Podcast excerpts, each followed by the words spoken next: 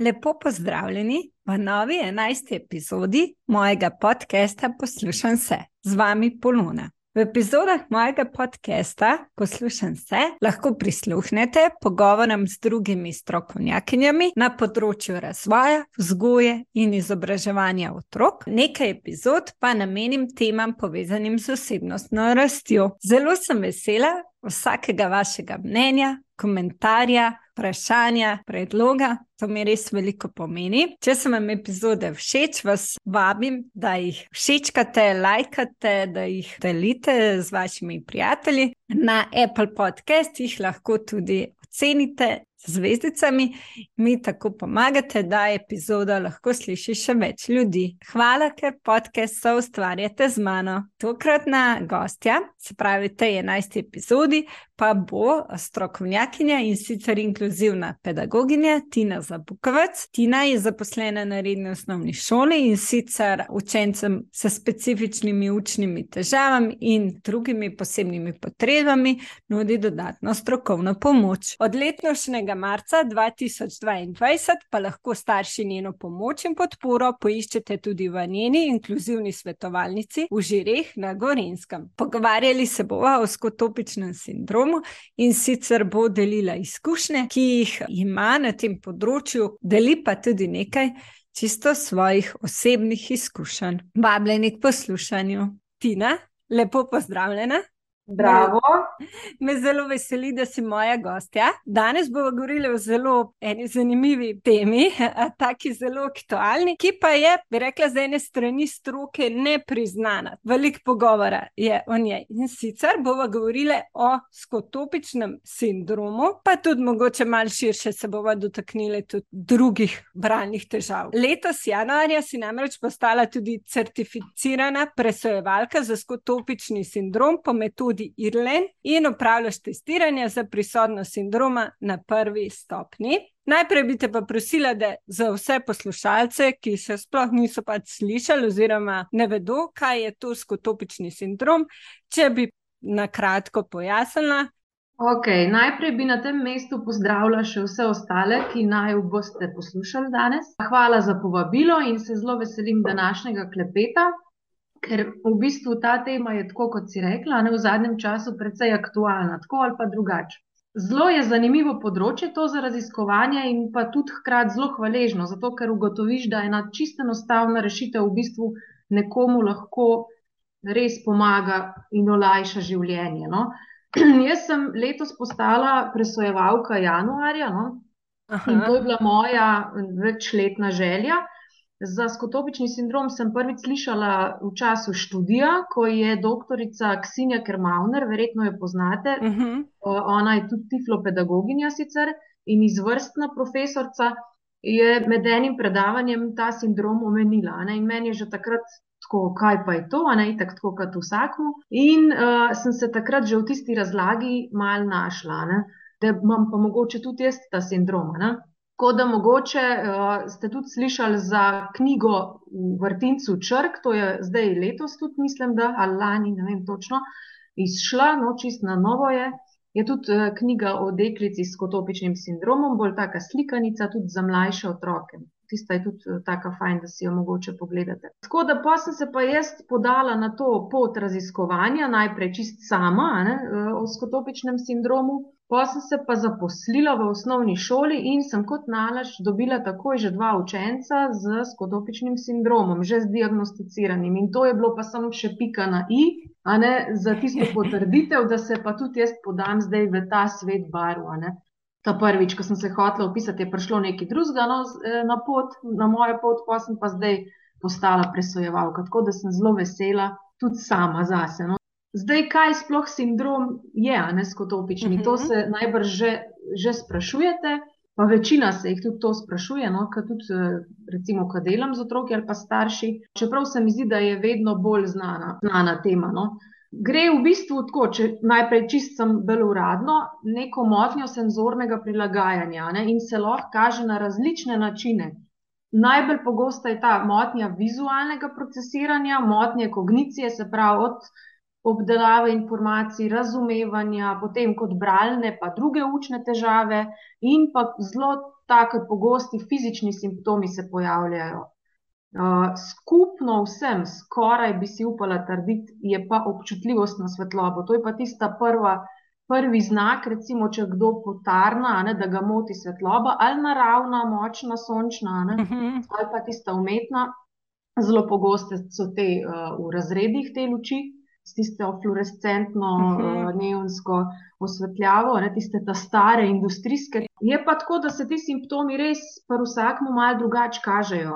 Lahko imaš enega, pa je tisti močnejši, lahko ni, res čisto odvisno od individualnega posameznika. En tak kontinuum težav, ja, ne, od lažjih do težjih. recimo, če Tako je spektr, ja, sej tako kot pri vseh učnih težavah. pa tako kot drugih, pri vseh. ja. Ja.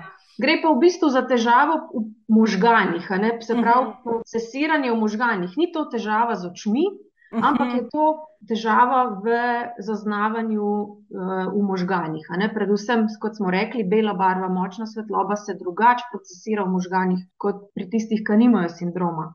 Kdo običajno to prvi opazi? Ali starši njegovi, če otrok potoži, da ga moti svetloba, ali učiteljica? Kdo po tvojih izkušnjah prvi zazna te težave, oziroma da bi lahko potem pač šlo za skotopični sindrom? Velikokrat se to res pojavi bolj v šoli. Ne? Pa ne zdaj to kot prvi znak, ne vem, ali da ga moti svetloba, ker otroci ponavadi ne povejo ta, tisto ta prvo, Ja. da ga moti svetloba. Ne? Recimo učitelj ali pa razrednik zazna neko težavo pri branju, je zelo pogosto. Ne? Ali pa recimo, no, tale mi pa skozi zeha, ali pa ima motnjo pozornosti in koncentracije, deluje zasanjan, te, tiste prve Mhm. opozorilne znake, recimo ali pa ne vem, med odmori je živahen, pri pouku, ko pa recimo luči odpremo, ali pa če so kakšni oblačni dnevi, je pa čist eh, odsoten. Pa se na nas učitelje eh, za dodatno strokovno pomoč obrnejo. ne. Zdaj, itak na naši šoli je tako, da učitelji že vejo zame, a ne. Mhm. Pa tudi drugi ti des- eh, za DSP, se pravi dodatna strokovna pomoč, Tako izvajalci. Ja. dala, pol rečejo, da to je pa neki za Tino, ne, in potem se pač začne raziskovati to, ne, če je. Ni, ni vedno ne skotopični, da ne bo zdaj tako zvenil, da je pa zdaj vse skotopični sindrom. Učitelji so najpogosteje tisti, no, ki prvi zaznajo. ne. So pa tudi starši, no se ne rečem. Recimo, zelo pogosta je taka, da opazijo, da otrok doma veliko raje bere ob zaprti luči, ne, Mhm. ali pa da si senco dela za knjigo. ne. Mhm. Uh, pa pol rečejo, pa jaz mu govorim, naj si odpre luč, pa naj bere, ne, ni čudno, da ne zna, da se ne razvija pri branju, ne. Mhm. Ampak otroka mot branje ob prižgani luči, a ne. To je Ja, recimo ja. tudi en tak tipičen znak. Je pa to tako, pri moških in ženskah se v enaki meri pokaže, mislim, tako ni zdaj katerem- Pojavlja. Ja. Pojavlja, aha. tako, ja. Mhm. Tudi, recimo, ne vem, taki um, znaki, ki se lahko pokažejo v domačem okolju, da ni zdaj tako Mhm. šolsko obarvano, je recimo, da nas moti so, močno sonce poleti, ne ob morju, kot tisto, ki le, se lesketa Mhm. morje. Recimo, da te takrat začne boleti glava, ne.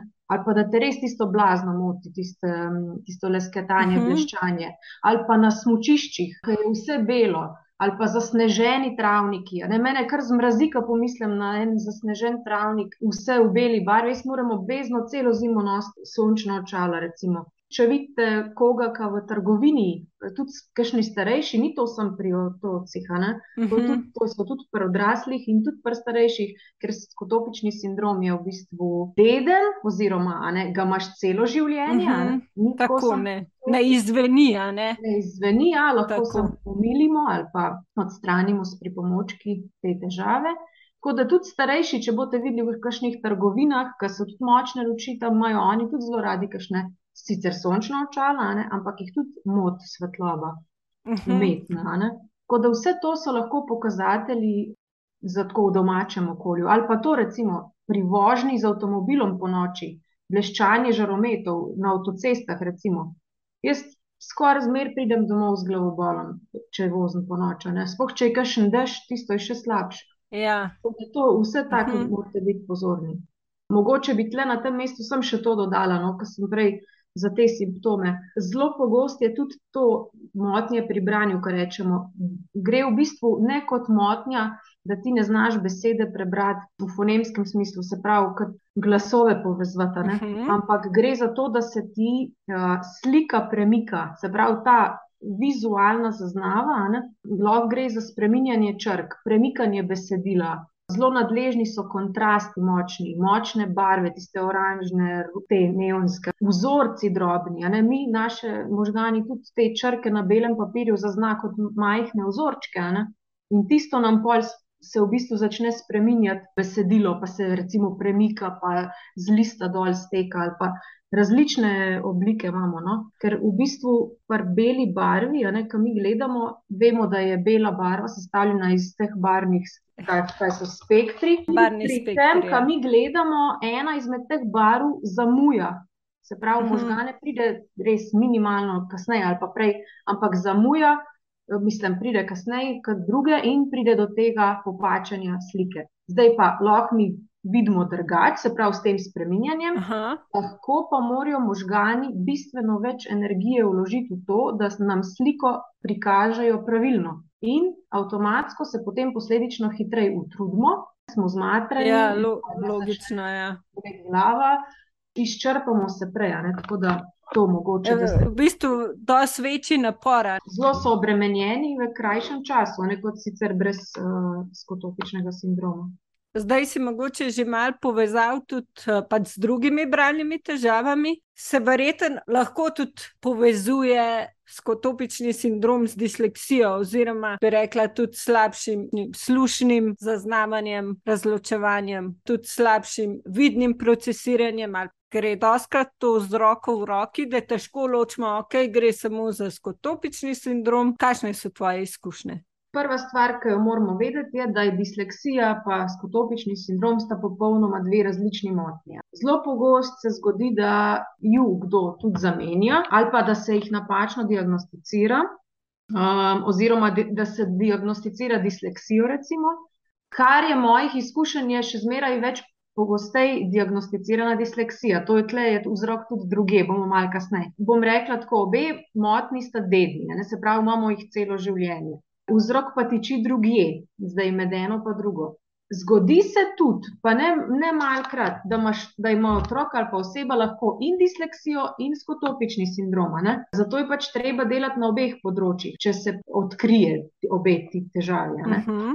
Če je kakšna bolj naroslovna duša med poslušalci, skotopični sindrom pri 14% populacije približen, a ne zdaj tistih, ki imajo pa, kaj sem zdaj hotela povedati. Obe, obe, misliš, kombinacijo in Ja, disleksijo. tisti, ki, tako, ja, tisti, ki imajo pa kombinacijo obeh motenj, je pa recimo 33%, ne, ampak dobro, vse ti procenti nam ne povedo tako veliko. Ampak ni jih malo, takih, ki imajo obe motnji. Treba je vedeti, da barva, se pravi ali folija ali um, filtrirlen, pomagajo zgolj in samo pri skotopičnem sindromu.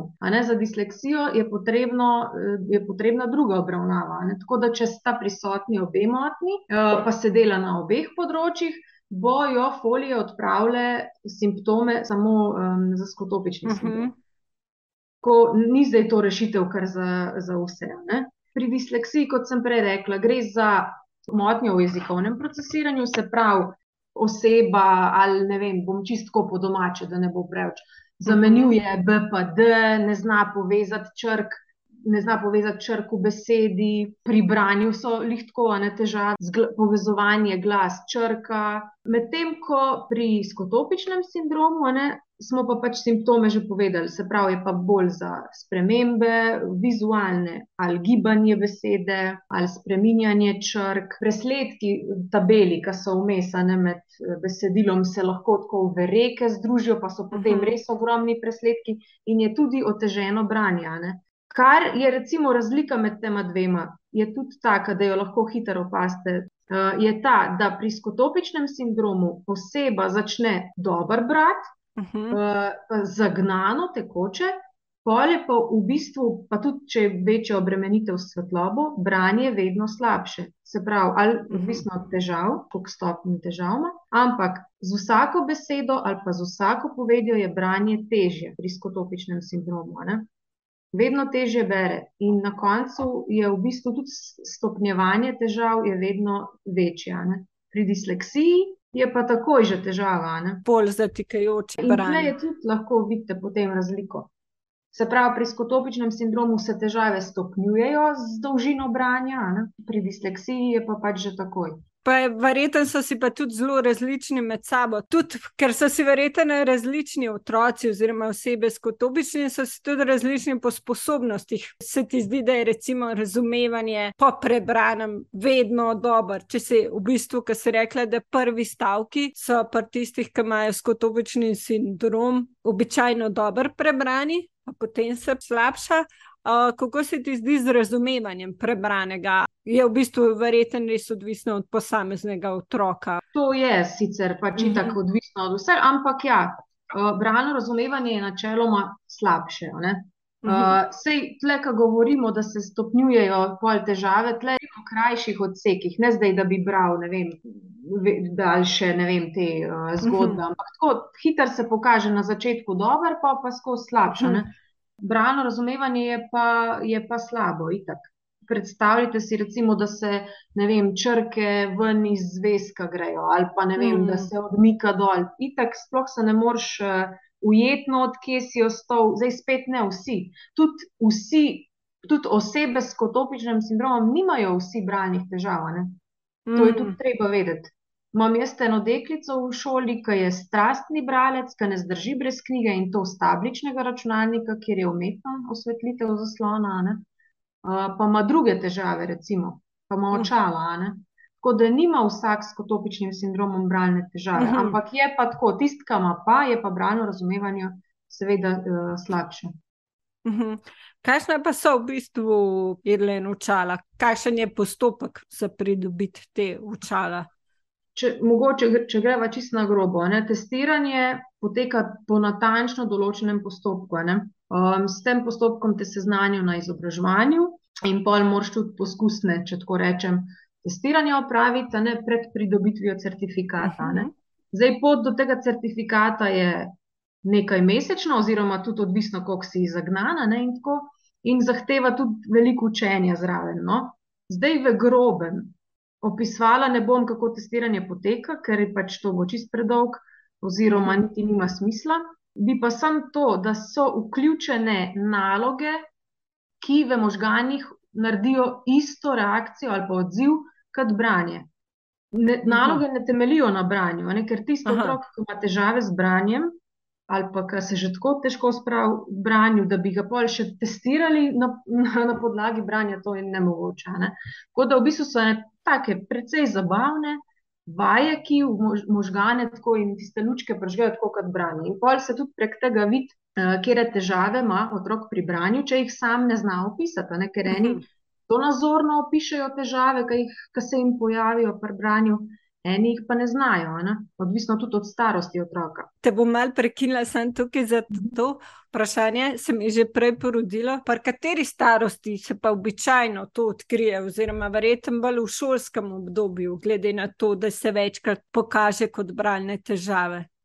Če gre za res, res resne težave, se pravi, spet povezan z svetlobo, recimo, lahko opazimo težave že v predšolskem obdobju. Ampak to je tako, ne, ne vem, da otrok tarna ali da si zakriva oči, da je tako, ne boli me glava, če je kakšen tak um, osvetljava ali pa tako, res bi bil na te fizične uh mhm. -huh. spremembe.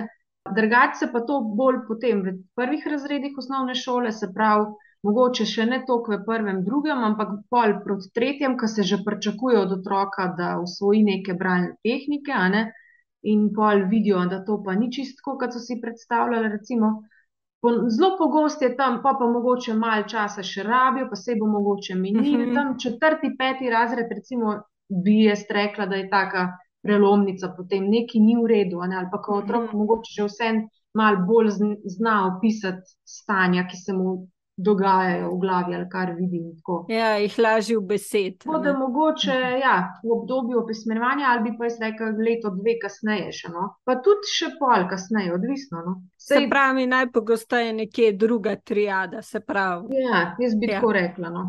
Se pravi, nisem pa zdaj tle tudi tako, da bi imela res toliko ful izkušenj še, da, da bi iz svojih teh, ampak kar imam pa jih, je bi pa rekla taka, med prvo pa drugo triado. No? Mal se te eno pod vprašanje postavlja, tako da ja, upam, da te nisem preveč za Ne, ne. testiranje. Si Za prej testiranje, ja.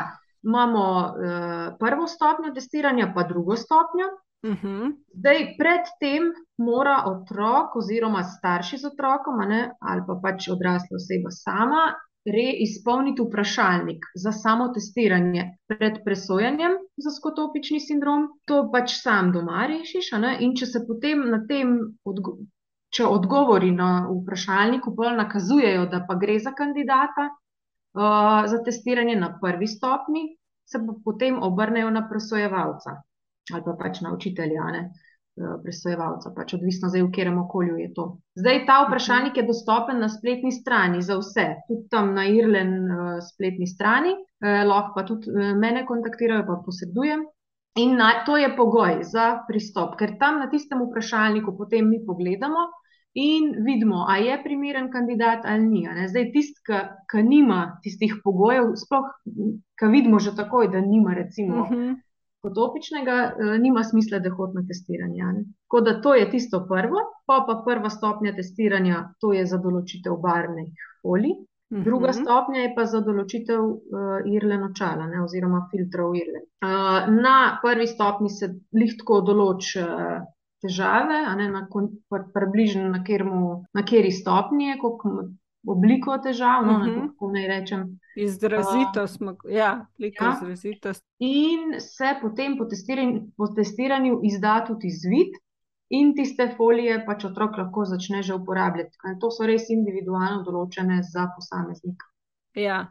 Tudi recimo na tem mestu bi mogoče to izkušnjo povedala za tega dečka, ki sem ga nedolgo nazaj testirala. On ni prej nikoli, če gremo malo na ocene, dobil odlično pri slovenščini, potem je pa s folijo pisal tisti zadnji test, so imeli pa ravno bralno razumevanje in me je prav poklicala tale razredničarka, da je pa eh, pisal pet. A ne, so zelo drastične spremembe lahko, ne. Kako pa učenci opišajo to spremembo, oziroma ko dobijo ustrezno folijo, kako oni to potem zaznajo? Verjeten, kot si rekla, kot si zdaj opisala, gre lahko tudi za kar veliko drastično spremembo v tem tvojem primeru. Kako verjeten tudi oni zaznajo, da zdaj lažje berajo, oziroma da pač jim je manj naporno. Ja, absolutno. Jaz vedno pol rada tudi čez nekaj mesecev kontaktiram ali starše ali pa pač učenca, kakšne spremembe vse opaža. ne.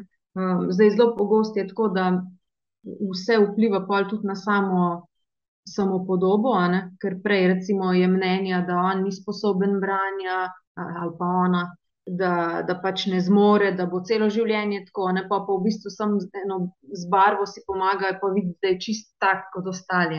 Spremembe so lahko drastične, no? Niso pa vedno, ne. Odvisno zdaj, ali ima otrok ali pa oseba res težave izključno bolj z branjem, ne, ali ima tudi na splošno v funkcioniranju.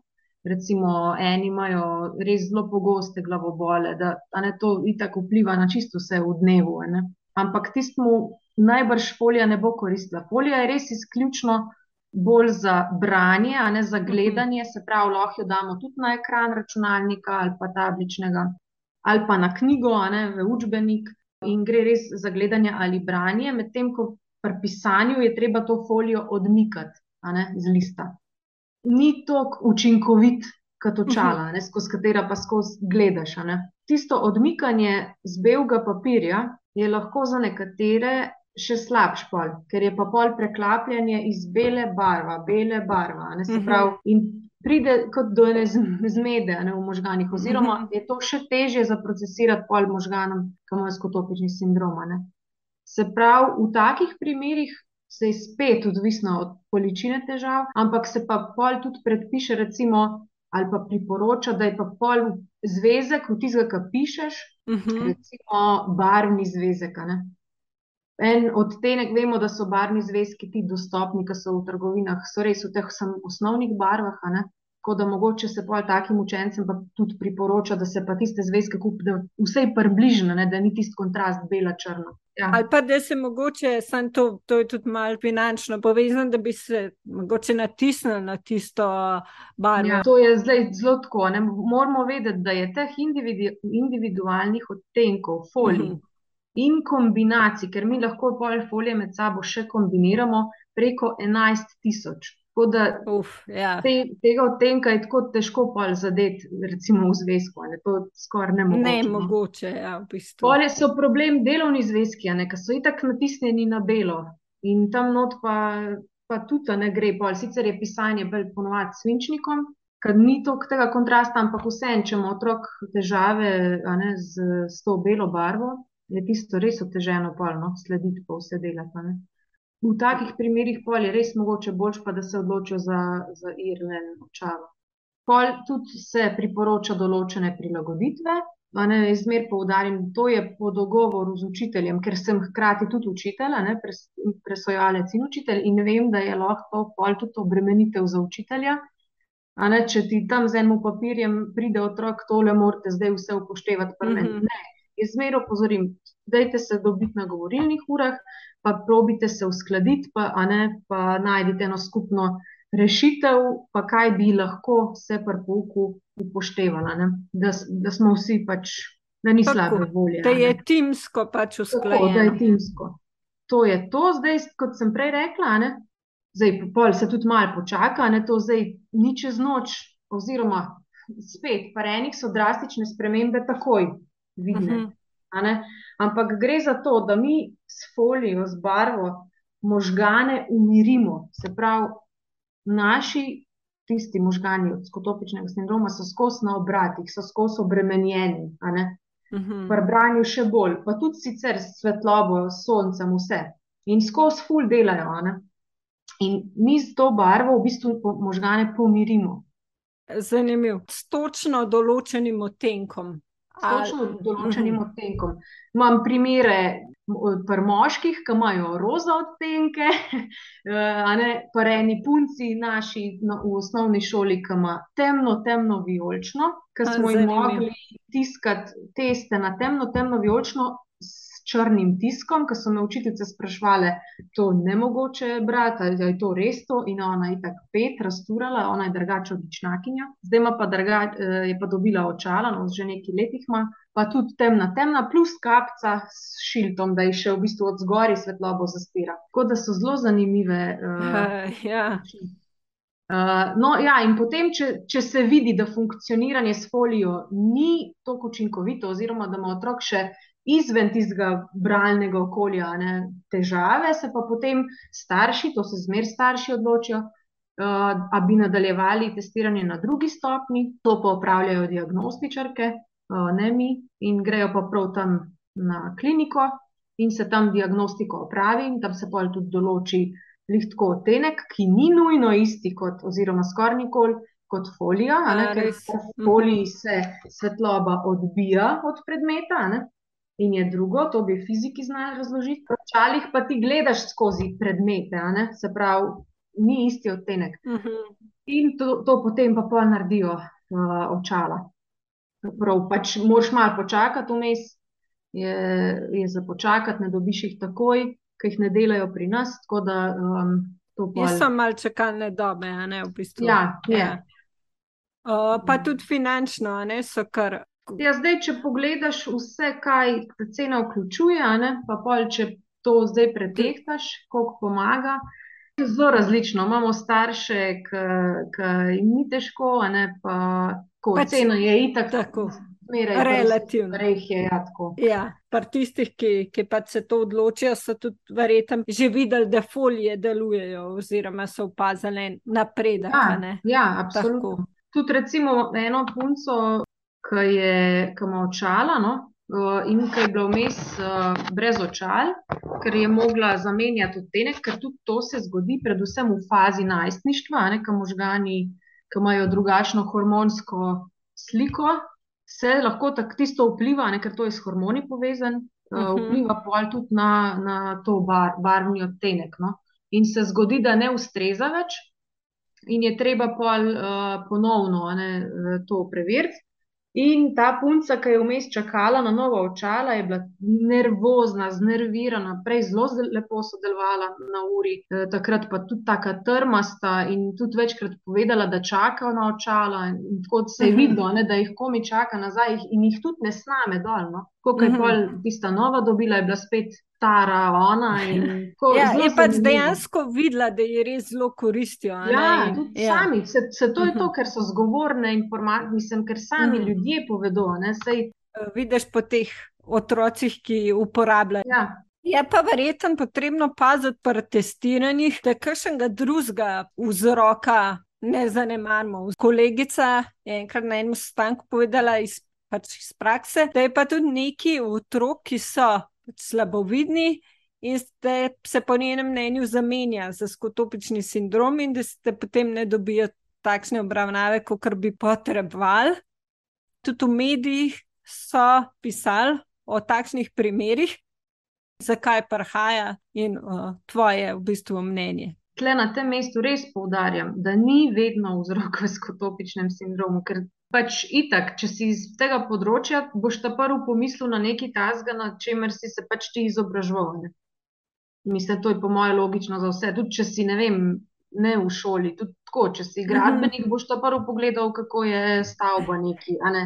Pač, v glavnem, ta prvi na to pomisliš. Ampak ni vedno vzrok v skotopičnem sindromu. To Je, upam, da je jasno. Je pa vse dober pomisliti na to in preveriti, oziroma izključiti takoj ali pa pač raziskovati naprej. Zdaj, pri testiranju za skotopični sindrom, testiramo, pa ne, če gremo samo pogledati to testiranje, testiramo samo za skotopični sindrom, no, za nobeno drugo motnjo. To ponovadi eh, opravi že svetovalna služba, recimo, če gre spet za šolo ali pa neke zunanje institucije, na katere se starši obrnejo. Ponovadi je skotopični sindrom res tista zadnja možnost, na katero pomislejo, če slučajno naletijo na to informacijo, da pa to obstaja. Ne? Ni zdaj tako, da bi vem, en otrok težje bral, pa bi rekel, starš, to je pa mogoče, pa to skotopični sindrom. Mm -hmm. Redki, res, po moje, jih ni, da bi to ta prva stvar, ki bi jo mhm. pomislil. To upam si staviti. Lahko se zgodi, da je skotopični sindrom zamenjan, recimo, najpogosteje, če izpostavljam z disleksijo. Lahko, Se pravi, moramo vedeti, da barva pri disleksiji ne bo pomagala. Včasih so zelo pogosto no, v odločbah pisali pri učencih z disleksijo, z diagnosticirano disleksijo, da potrebuje barvni papir. Ne? To verjetno tudi ti veš. Si, ja, ja na, predvsem uh, pastelne barve so. Ja, pa še tako, ja, pastelne barve, zdaj se pa vi izmislite, kje je. Zdaj, če ste opazili, tisti, ki ste iz stroke, se tega ne piše več not. Zdaj, spet odvisno od, od komisije, no, ampak načeloma se noter več ne zapisuje tega. Tako, ne, to, to smo prej govorili, da se zamenja s slabovidnostjo. Ne?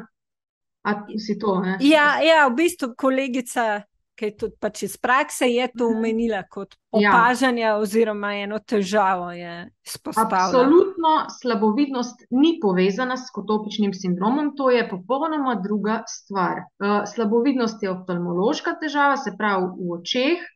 In se z njo, presojevalci, ne ukvarjamo, tudi nismo podkovani na tem področju, in to je čist ločena zadeva.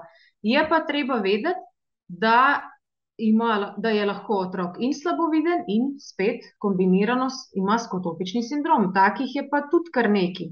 In taki potem v ta namen dobijo očala, oziroma imajo te svoje očala za slabovidnost, kaj ne vem, paroptiko ali kaj to.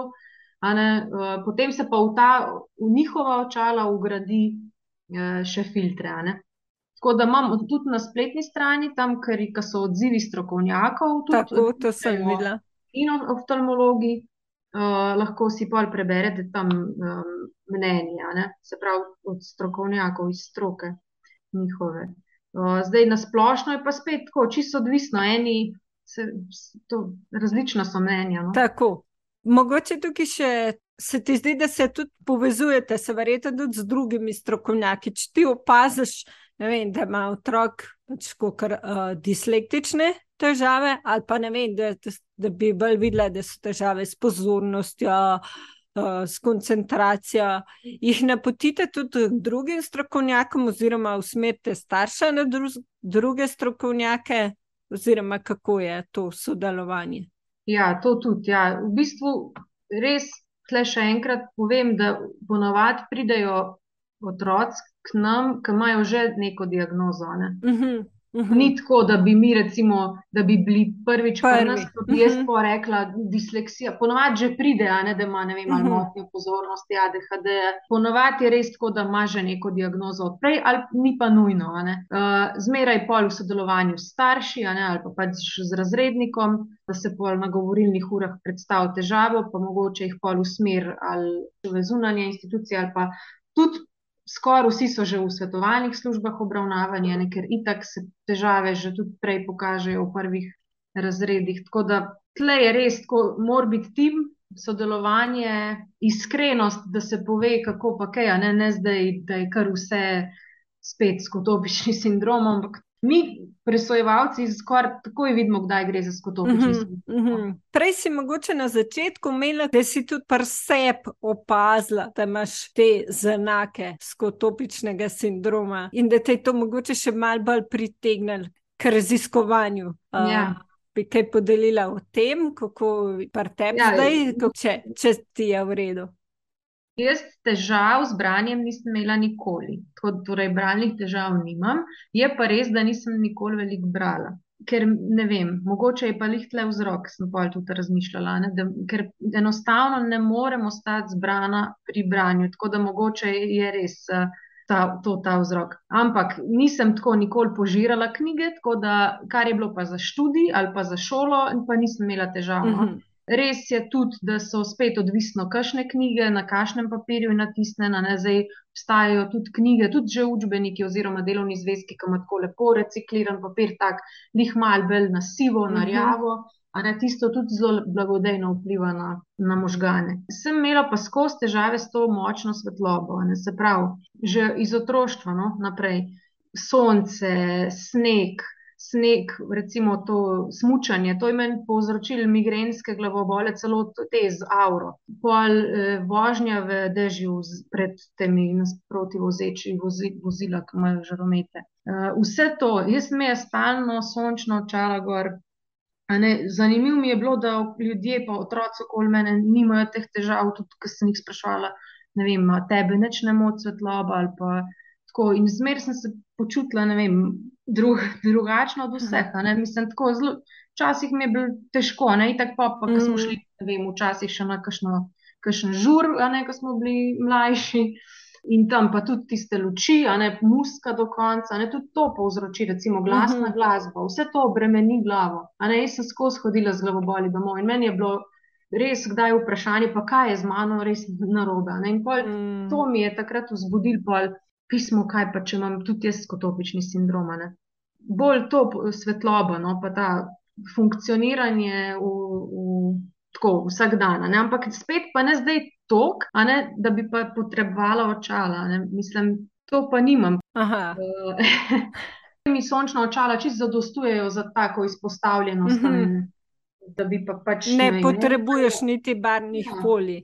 Ja, Mhm. ne, ne, to za branje pa sploh mi ne dela težav. a ne. Tako, ja. Sončna očala so ti v bistvu dovolj. Ja, sem to, da mi malo zatemni ali pa kakšna kapca s šiltom. ne, Tako Mhm, mhm. imam zdaj takih. Ampak mi je bilo pa zmeraj čudno, ne, predvsem te migrene. Ampak tudi to moram uh, opozoriti, da je tudi malo prešlo um, prek pubertete. a ne. Mhm, Je bilo mhm. pol tudi glavobolov, bistveno manj, predvsem pa z nosečnostjo. No, ta prvo, da se je pa pol to kar malo izzvenelo, se pravi, spet ta hormonska. Ne. Mhm, Ampak mhm. sončna očala so moji stalni sopotniki. No. Aha, spremljevalci. Pa Ja. v bistvu si dobila eno razlago, če te prav razumem, da, da si pač lažje razumela, zakaj, Ja. zakaj si, si imela Veliko- tako izrazite uh, težave. Ja. Veliko odgovorov mi je dal no, za nazaj. Tako, pa verjetno tudi lažje razumeš tiste, ki imajo Ja, mogoče še bolj izrazite ali pa enake znake, simptome. Ja, ker znaki se tle res razlikujejo. Ne vem, jaz zelo s težavo grem v trgovine, v te velike centre, kaj je glasba, močna svetloba, ogromno informacij za predelati ne, teh vizualnih. In jaz res, zmeraj, zmeraj glavobolijo, že od zmeraj. Tako da jaz sem tak spletni nakupovalec, to me, me zelo dobro. Ja, ja, na srečo so zdaj različne možnosti, ja. ne samo ena. Da, mislim, da še komu. Ja. Da se še Tako, ne, če se bo kdo še našel v teh opisih. Ja. Bi mogoče še kaj dodala, kar smo izpustili, oziroma se ti zdi še kaj pomembno povedati? Uh, jaz mislim sicer, da smo že zelo veliko povedali, pa sproti tudi, no, ampak vseeno mogoče na kratko, da se lahko res tako prilagoditvijo ne, ali s folijo ali z očali izboljša posamezniku funkcioniranje na splošno, sploh počutje. Uh, zdaj tudi na, temu, na tej spletni strani Irlen klinike imate tam tudi eh, pričevanja uporabnikov teh očal, to potem imate na YouTubu dostopne posnetke otrok, slovenske posnetke. En je tudi moj učenec oziroma z naše šole, ki bere brez očal, pa z očali. Recimo, Mhm. to je tudi tak zgovoren eh, posnetek. ne. Ja. Oseba je pol na splošno bolj sproščena, umirjena, ne vemo pa, da to vpliva na čisto vse.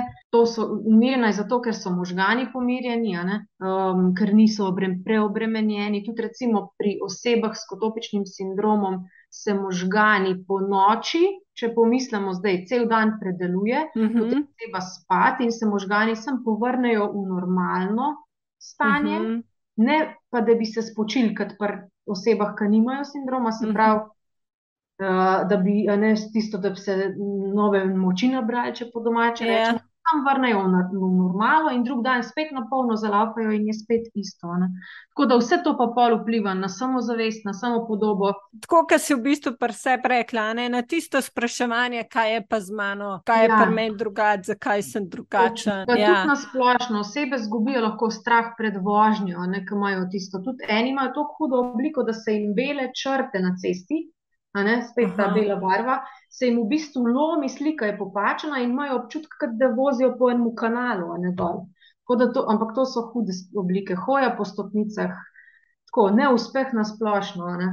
Mogoče bi tle sam še delila eno izkušnjo oziroma en stavek, ki mi ga je en, ki sem ga testirala za stavo, en učenec mi je rekel, uh, če mu bom lahko pomagala. Ne, sva imela testiranje na prvi stopni in me je vprašal, a mi bo to pomagalo, da bom jaz črke zaklenil v ječo in potem se bodo tam skupaj zleple. Ne, jaz sem bila kar tako malo na začetku šokirana, se pravi, to je otrok četrtega razreda, da te to vpraša. Se pravi, Ja. črke v ječo, ker tisti človek, ki nima težav s tem, na to tudi pomislil ne bo. Ne. Ja, res je. Na koncu sva pač uspela, sva tudi, ko sva določila folijo, sem ga vprašala, če je pač se uresničila želja in je rekel, ja, so se zlepile in sva jih zaklenila v je- v ječo. In to so ti dokazi, a ne, ka pol Mhm. pa ta motivacija za naprej in tako. No. Uh, ali pa ne vem, mogoče še ena z testiranja, uh, ki tam tudi opisujejo potem fizične simptome, kaj se jim dogaja v Mhm. telesu. In, tako. in ena odrasla oseba, ki vprašaš, recimo, kaj bi zdaj najraje z očmi naredila, on je rekel, da bi jih vzela ven iz jamic očesnih ne, in jih Mhm. dala v hladno vodo, da bi se Ojej. pomirila. Se pravi, Mhm. res vemo, da. Tak občutek zgleda zelo neprijeten. Tako, ne? mu- Ja, Tak ja. občutek je in, in veš, da ti en to pove, da se to ni zmislil, ker takih stvari se ne moreš zmisliti. Ne?